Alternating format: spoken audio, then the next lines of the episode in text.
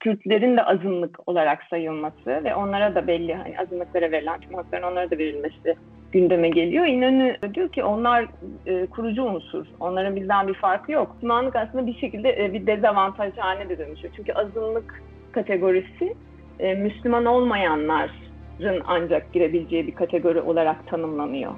E, o yüzden de hani e, o noktada o Sünni Müslüman kardeşlik söylemi ya da Sünni Müslümanlık Kürtlerin e, aleyhine işleyen bir şey oluyor.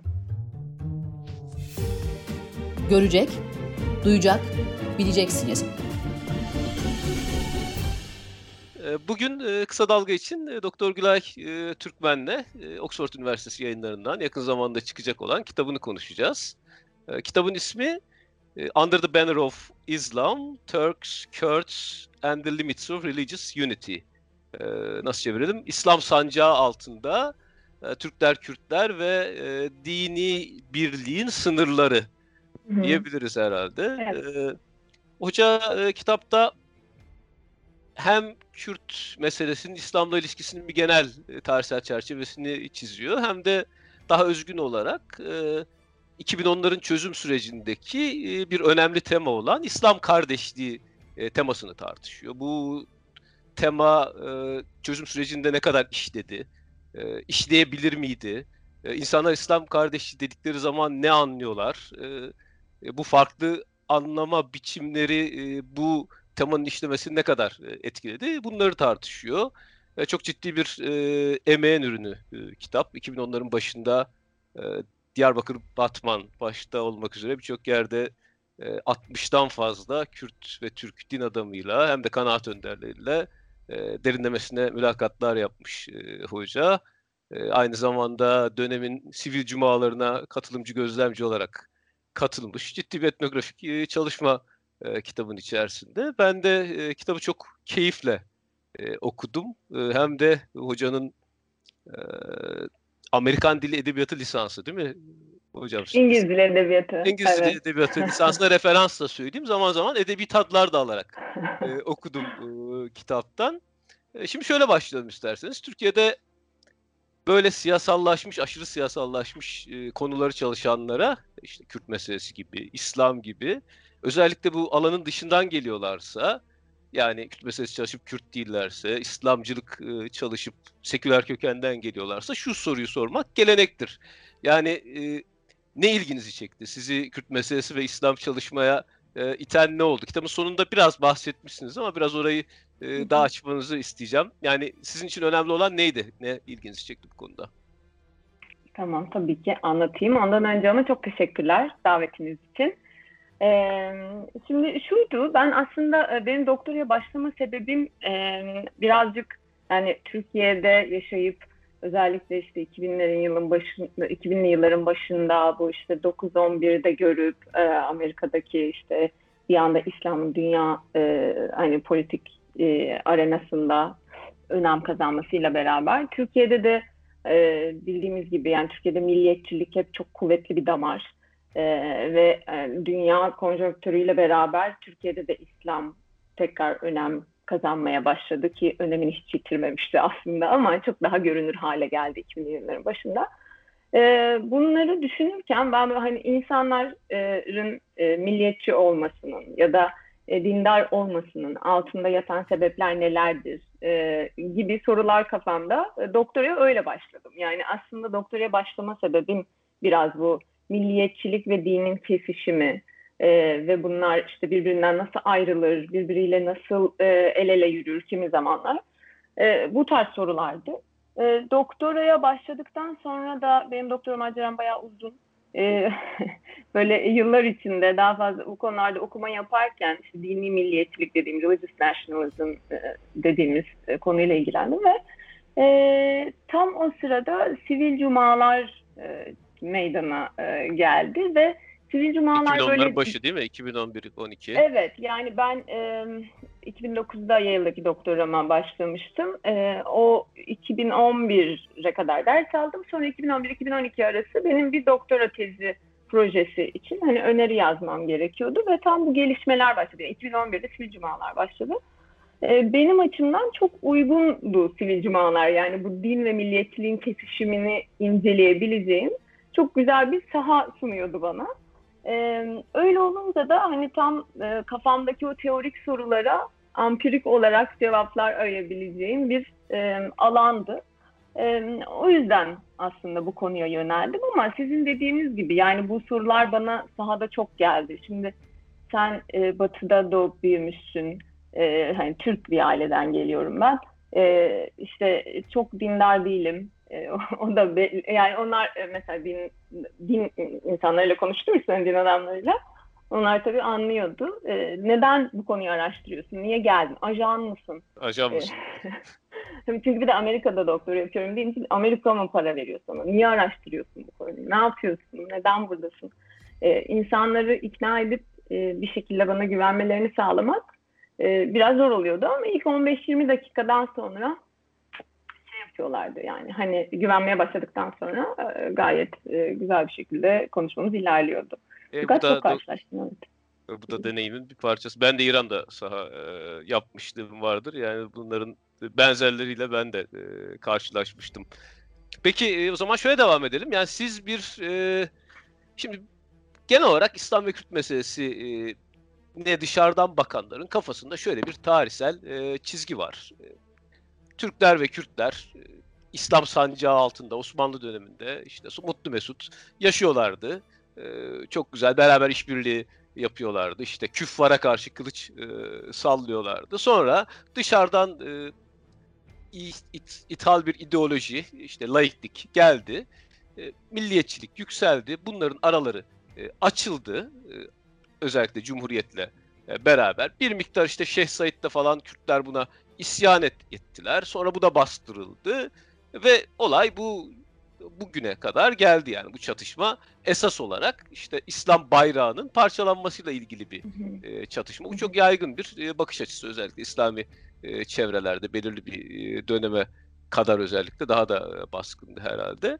Ben sizden şeyi isteyeyim. Siz e, bu tarihsel süreci yani Kürt meselesinin İslam'la imtihanını e, diyelim nasıl okuyorsunuz? Yani ha, hakikaten böyle bir e, İslam sancağının altında mutlu mesut yaşayan halklar gerçekten bir zaman oldu mu ve gerçekten laiklikle beraber mi e, bu bağ e, çözülmeye e, başladı? Bunu da şeye bağlayarak e, sorayım.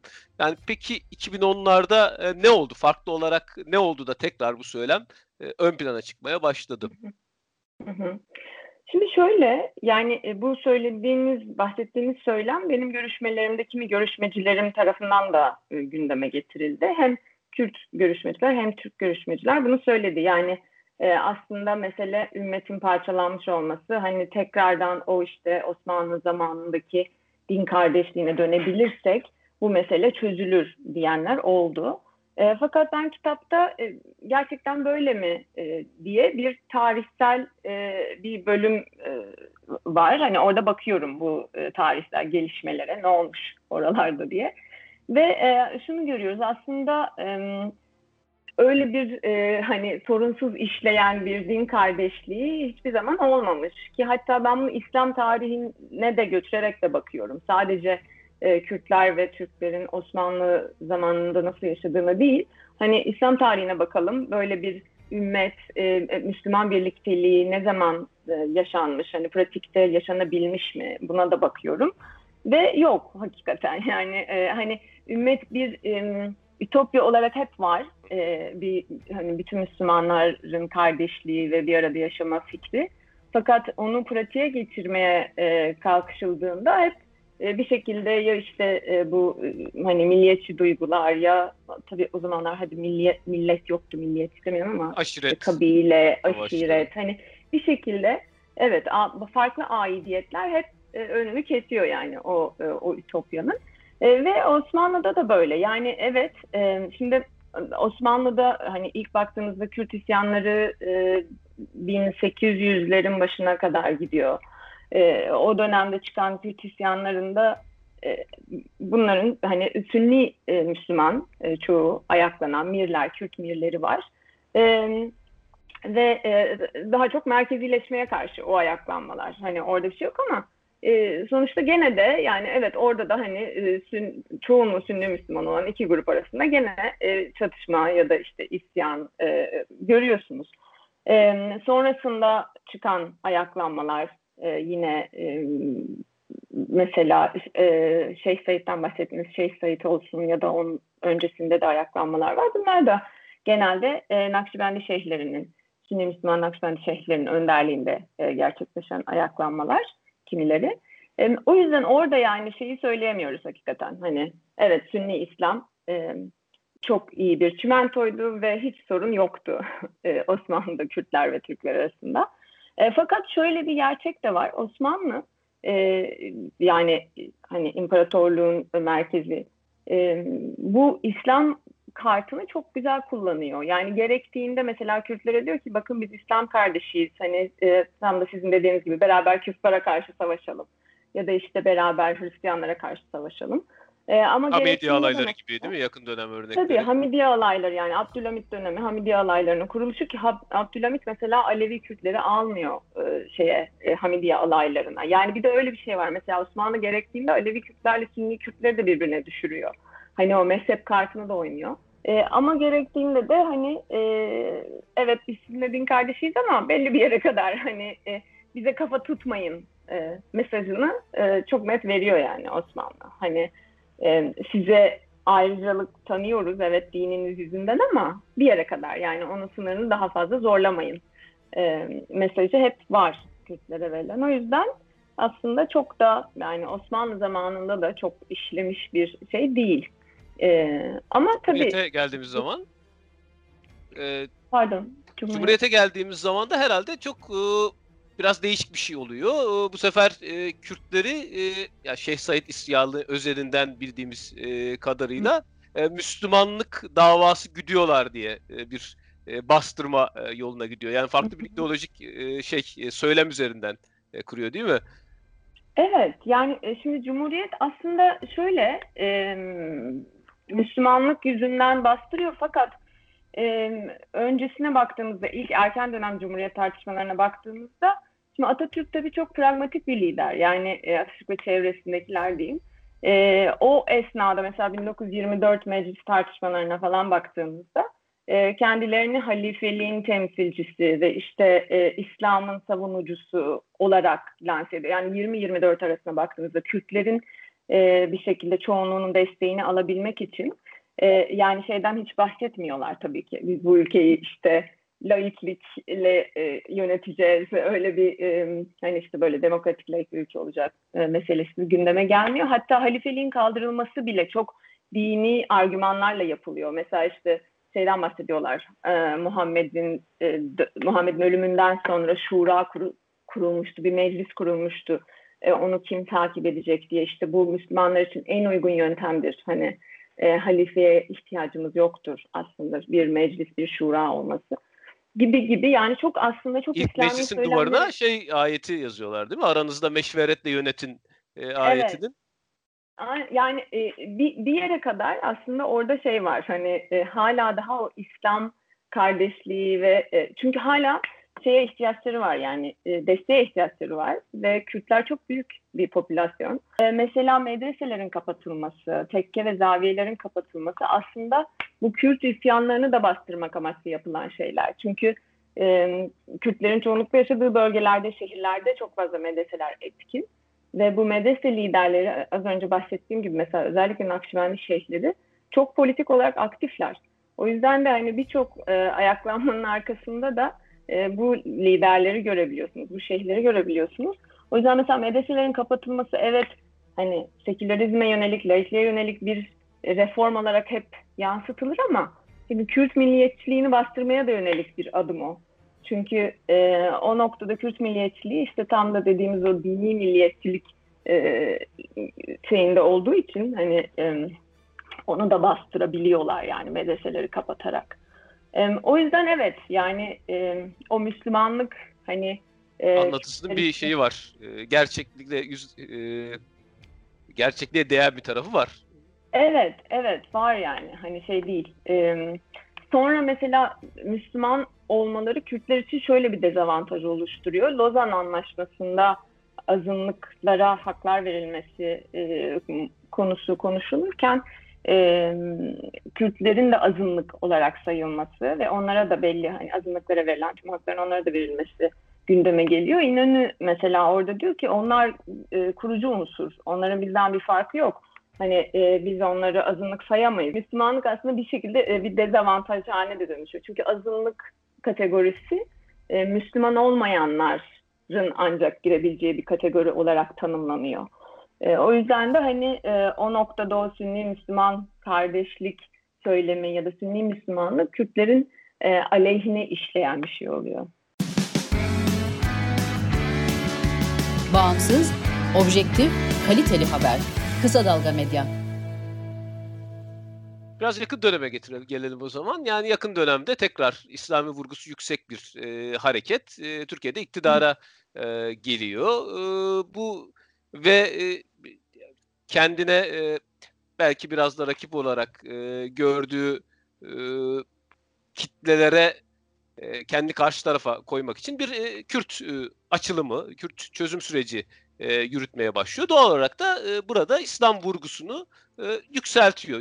İslam vurgusunun e, daha yüksek e, koymaya e, başlıyor. Siz çok ilginç bir şey e, söylüyorsunuz kitabınızda. Kitabın ana tezlerinden bir tanesi de herhalde bu. E, Kürtler ve Türklerin e, İslam ve milliyetçilik ilişkisini görme biçimleri farklı e, diyorsunuz. Hı hı. Biraz bundan bahseder misiniz? Açar mısınız? Hı hı. Biraz?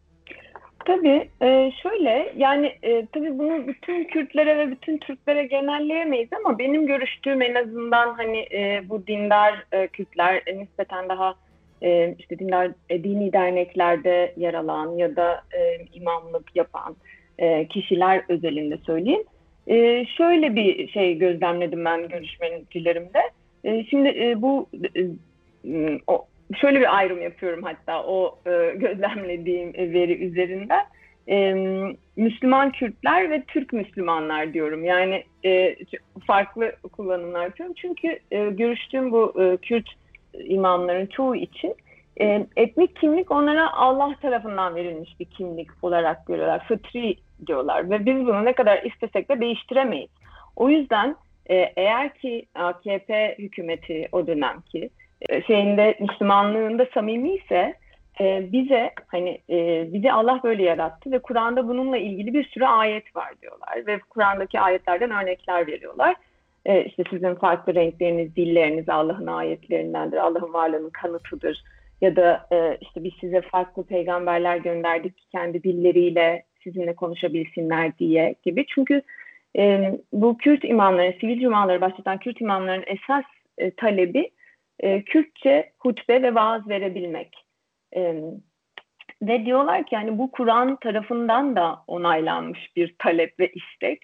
E, ve e, Müslüman olduğunu söyleyen bir kişinin e, bunu yok sayması hani onun Müslümanlığında samimi olmadığını gösterir. O yüzden de onlar için etnik kimlik seküler bir kimlik değil. Yani hani dinden ayrı düşünebilecekleri bir kimlik değil. E, fakat Türk Müslümanlar e, dediğim bu e, Türk din adamları ve e, imamlar e, şunu hep e, vurguluyorlar. E, evet biz işte İslam bayrağı altında kardeşiz, e, bir olmalıyız. Fakat bu birliği Türkler yönetmeli. Yani e, bir süre sonra hani mesela e, konuşma ilerledikçe şeyi fark ediyorsunuz. E, Türkler hep onların o ümmet var evet ama o ümmetin lideri Türkler olmalı. Çünkü Türkler bu iş için en uygun olanlar. Şey ee, söylenir değil mi? Ben de e, pardon sözünüzü kestim. İslam'ın kılıcı e, kafası Türklerdir. İşte kalbi Kürtlerdir. Evet, evet. Aynen. O mesela çok gündeme geldi. İşte e, Kürtler çok cesurdur. İşte e, savaşta mesela çok hemen önde giderler, çok iyi savaşırlar. Ama Türkler lazım onları yönetmek için. Çünkü Türkler beyin. Yani hani orada işte ne yapılacağını e, planlı planlayacak olanlar Türkler olmalı. Aslında onun başka e, versiyonlarında da İranlılar kafa, Türkler kılıç, şeyler e, kalp, Kürtler kalpti. Sanki öyle bir şeyler de duyduğumu hatırlıyorum ama. Ha, benim işte benim görüşmelerimde bu Kürt-Türk ikilemi çok e, gündeme geldi ve orada şeyi görüyorsunuz. Yani e, bu Türk Müslümanlarda e, şey çok var. Hani e, bir şekilde Türklüğü önceleme. Yani evet hani İslam ve Müslüman kimliğini bir şekilde böyle birleştirici bir kimlik olarak görüyorlar fakat Türklüğü önceleme çok var. Kürtlerde ise o hani Kürtlüğü önceleme meselesi biraz şeyle karışmış durumda. O Müslüman kimlik üzerinden Kürtlüğe varıyorlar. Yani bizi Allah böyle yarattığı için biz bu dili yani çok dil odaklı tabii kimlik. Ee, ama dediğim gibi bu bütün Kürtlere genellenebilecek bir şey değil. Sadece benim görüştüğüm hani dini e, olarak daha e, lider konumunda olan kişiler. E, çünkü e, ben gene böyle dört farklı kategori yapıyorum. Birisi de mesela e, etnik kimliği seküler olarak e, kategorize edenler ve öyle görenler. Mesela Kürt özellikle e, Kürt politikacıları içinde çok var bu. Yani hani e, Kürt etnik kimliğini tamamıyla dinden ayrı olarak görenler var. E, o yüzden bu farklı görme biçimlerini ben e, hani İslam e, bu Kürt meselesinde birleştirici bir rol oynayabilir mi sorusuna cevap verirken oynayamaz diyorum ve e, bu hani farklı etnik kimliği ve dini kimliği farklı şekillerde kategorize etme ve farklı şekillerde görmenin e, bunu engelleyen sebeplerden biri olduğunu söylüyorum. Tek sebep değil ama sebeplerden biri bu diyorum. Peki şey, e, siz gerçi çalışmaya dahil etmemişsiniz ama ben merak ettiğim için soruyorum. Bu çözüm sürecini İslami kardeşlik vurgusu üzerinden götürmenin Alevi Kürtler arasında nasıl bir etkisi oldu? Hiç onu gözlemleme, görme şansınız oldu mu? Onu olmadı. Yani ben Alevi Kürtlerle e, bilhassa görüşmedim. Çünkü onları da katsam e, proje çok büyüyecekti çok da isterim yani onların ne düşündüğünü öğrenmek ve e, hani keşke katabilseydim ama o, e, şu haliyle bile oldu yıllar yıllar aldı zaten bitmesi. E, fakat onları katmama sebebim e, sebep, en büyük sebebim şuydu. E, bu hani bu konuda yap, yapılmış işte dinin etnik çatışmaların e, bitirilmesindeki rolü konusundaki çalışmalarda genelde şeye bakılıyor. Mesela mezhep farklılıklarına ya da e, dini farklılıklara hani iki çatışan grubun e, dini farklıysa ya da mezhebi farklıysa hani ayrılmaları onların bir şekilde doğal. birbirlerinden ayrılmaları doğal ama hani onları birleştiren bir e, mezhep varsa o o nasıl oluyor? Hani orada dinamikler e, nasıl değişiyor? sorusunu biraz da anlamaya çalışıyordum ben. Yani çünkü genel olarak bakılan etnik çatışmalarda hep farklı dinlerden gruplar çatışıyor ya da farklı mezheplerden. O yüzden birazcık hani aynı mezhepten olsa bile hani din gene de birleştirici bir rol oynayamıyor göstermek için özellikle öyle bir seçim yaptım. Ee, ama e, hani sorunuza net olarak o konuda cevap veremem çünkü görüşmedim Alevi Kürtlerle. Ee, yani tahminim tabii ki onlar e, eleştirel yaklaşacaktır buna ve çünkü yani Sünni Kürtler bile çok eleştirel yaklaşıyordu işte e, evet biz hep İslam işte Müslüman kardeşiz deniyor ama hep Türkler büyük abi olmak istiyor, biz küçük kardeş olalım istiyorlar gibi şeyler söylediler.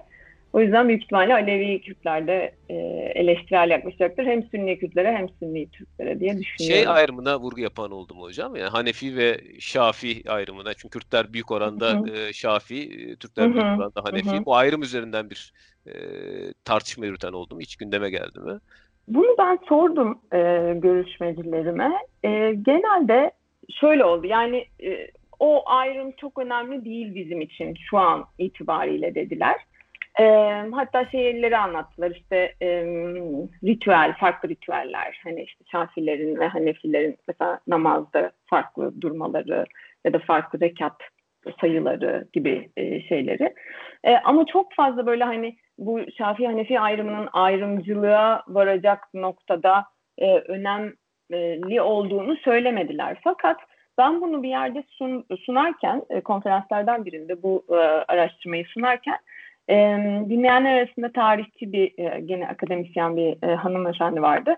E, o da şey söylemişti, yani e, onun kendi mesela görüştüğü e, kişiler içinde e, Şafii Hanefi ayrımının çok önemli olabileceği, gerektiğinde işte siz şafisiniz diye bunlar bizi keser. Hani mesele oraya gelirse ileride bir şekilde hani illaki ayrım yapacak bir nokta bulun, bulunur ve hani Şafii Hanefi e, de önem kazanabilir diyen bir e, onun e, görüştüğü bir Kürt e, dini lider olmuş. E, fakat ben e, sordum bunu ama dediğim gibi hani hiç e, böyle çok önemli bir önemliymiş gibi vurgu yapan olmadı. E, ama tabii ki e, bilmiyorum hani belki çok daha fazla katılımcı olsaydı e, farklı bir sonuç çıkardı. Bana bir kişisel görüşmemizde bir Kürt din adamı şöyle demişti. Yani Hanefi Şafii ayrımı bunlar çok tali ayrımlardır. Önemli değildir. Evet. Ama şunu göstermek için bence önemlidir demişti. Mesela Diyanet Kürt bölgelerine gönderdiği imamlara genelde Hanefi kökenli oldukları için Şafiliğe Şafiliğin fıkhi anlayışına yönelik bir 15 günlük kurs veriyor.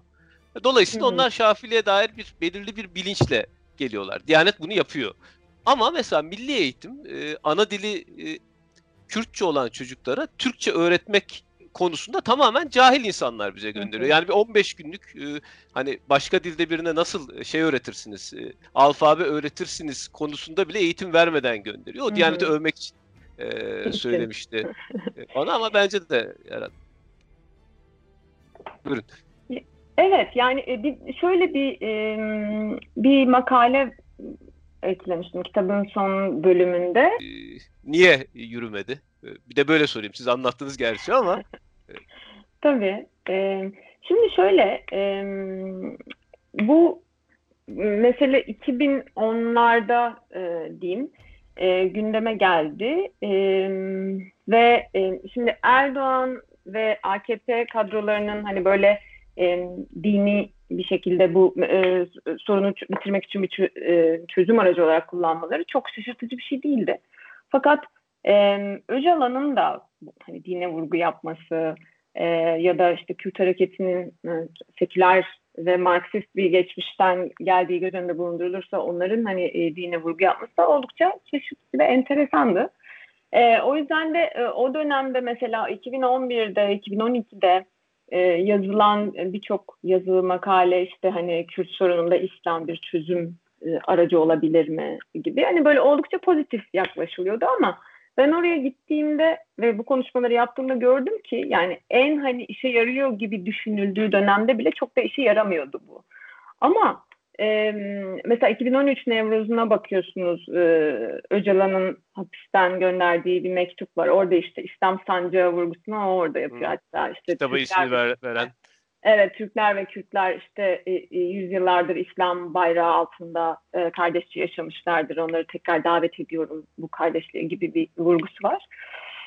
E, fakat tabii esas mesele yani hani e, sadece dinin işe yaramaması değil, e, Suriye'deki gelişmeler, e, hani onun e, Türkiye'ye etkileri, Türkiye'deki yansımaları, Kobane e, olayları, işte Kobane protestoları, o e, 6-8 Ekim e, olayları, sonrasında Demirtaş'ın e, seni başkan yaptırmayacağız çıkışı.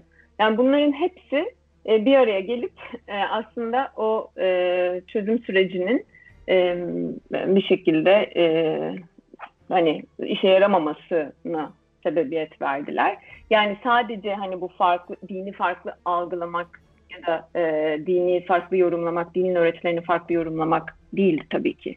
Ben işin o kısmına bakıyorum ve e, o yüzden ona odaklanıyorum ama hani kitabın sonunda da biraz bahsediyorum. Yani en orada bence en önemli e, nokta Suriye'deki gelişmeler. Yani Peki bütün bu bağlamı bir kenara koyarsak gene İslam kardeşliğine e, geri dönüp şeyi sorayım. Bugün e, gene İslam kardeşliği vurgusu yapan siyasi güçler ortaya çıktı Türkiye'de değil mi? Yeni siyasi hareketler var. İşte Deva Partisi var, Gelecek e, Partisi var. E, HDP'nin içerisinden gelen e, grupların içerisinde de bu geçen hafta Ayhan Bilgen benzer açıklamalar yaptı. Yani gene İslam kardeşliği vurgusuna dönüş yapılabileceğini gösteren en azından hareketler hükümet dışında da olsa var. Siz ne düşünüyorsunuz? Yani bu İslam kardeşliği üzerinden çözüm süreci götürmenin bir e, geleceği var mı e, Türkiye'de? Yani şu bence bir geleceği yok. Ee, ya e, işe yarar mı? Evet yarayabilir. Bir noktaya kadar yarar. Çünkü seçmen davranışına baktığımızda e, hani Kürt oylarını alabilen iki parti var. HDP ve AKP. Yani hani e, büyük oranda e, bu iki parti arasında paylaşıyor paylaştırılıyor Kürt oyları. E, bunun e, en önemli sebeplerinden biri e, din, hani AKP'ye giden oyların. Sadece o değil tabii ki ama e, önemli sebeplerden biri. E, fakat hani e, bunu böyle barış sürecine bir şekilde transfer etmek istediğinizde e, kırılgan bir e, barış elde edersiniz diye düşünüyorum. Çünkü e, o zaman dindar olmayan Kürtleri ya da dindar olmayan Türkleri kapsamayan bir barış süreci e, başlatmış ve işte nihayet erdirebilirseniz nihayet erdirmiş olursunuz.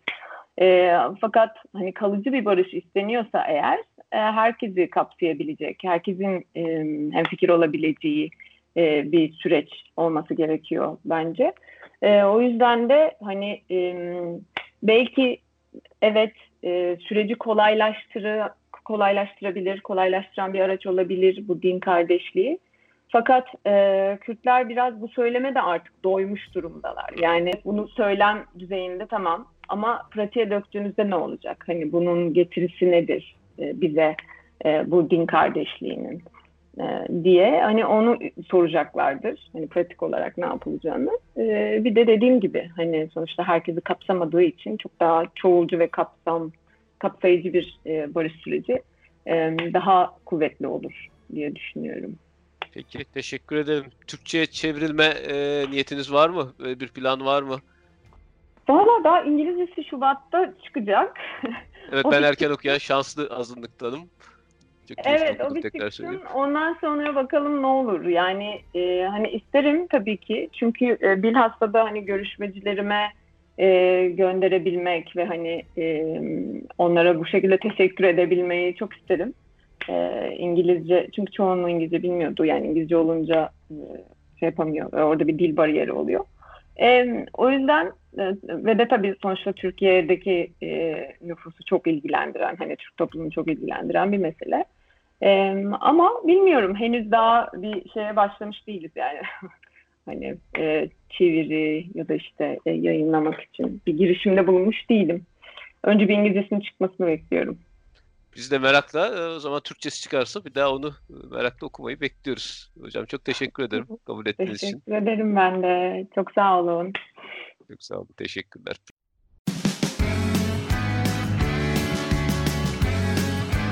Oku, dinle, izle. Kısa Dalga.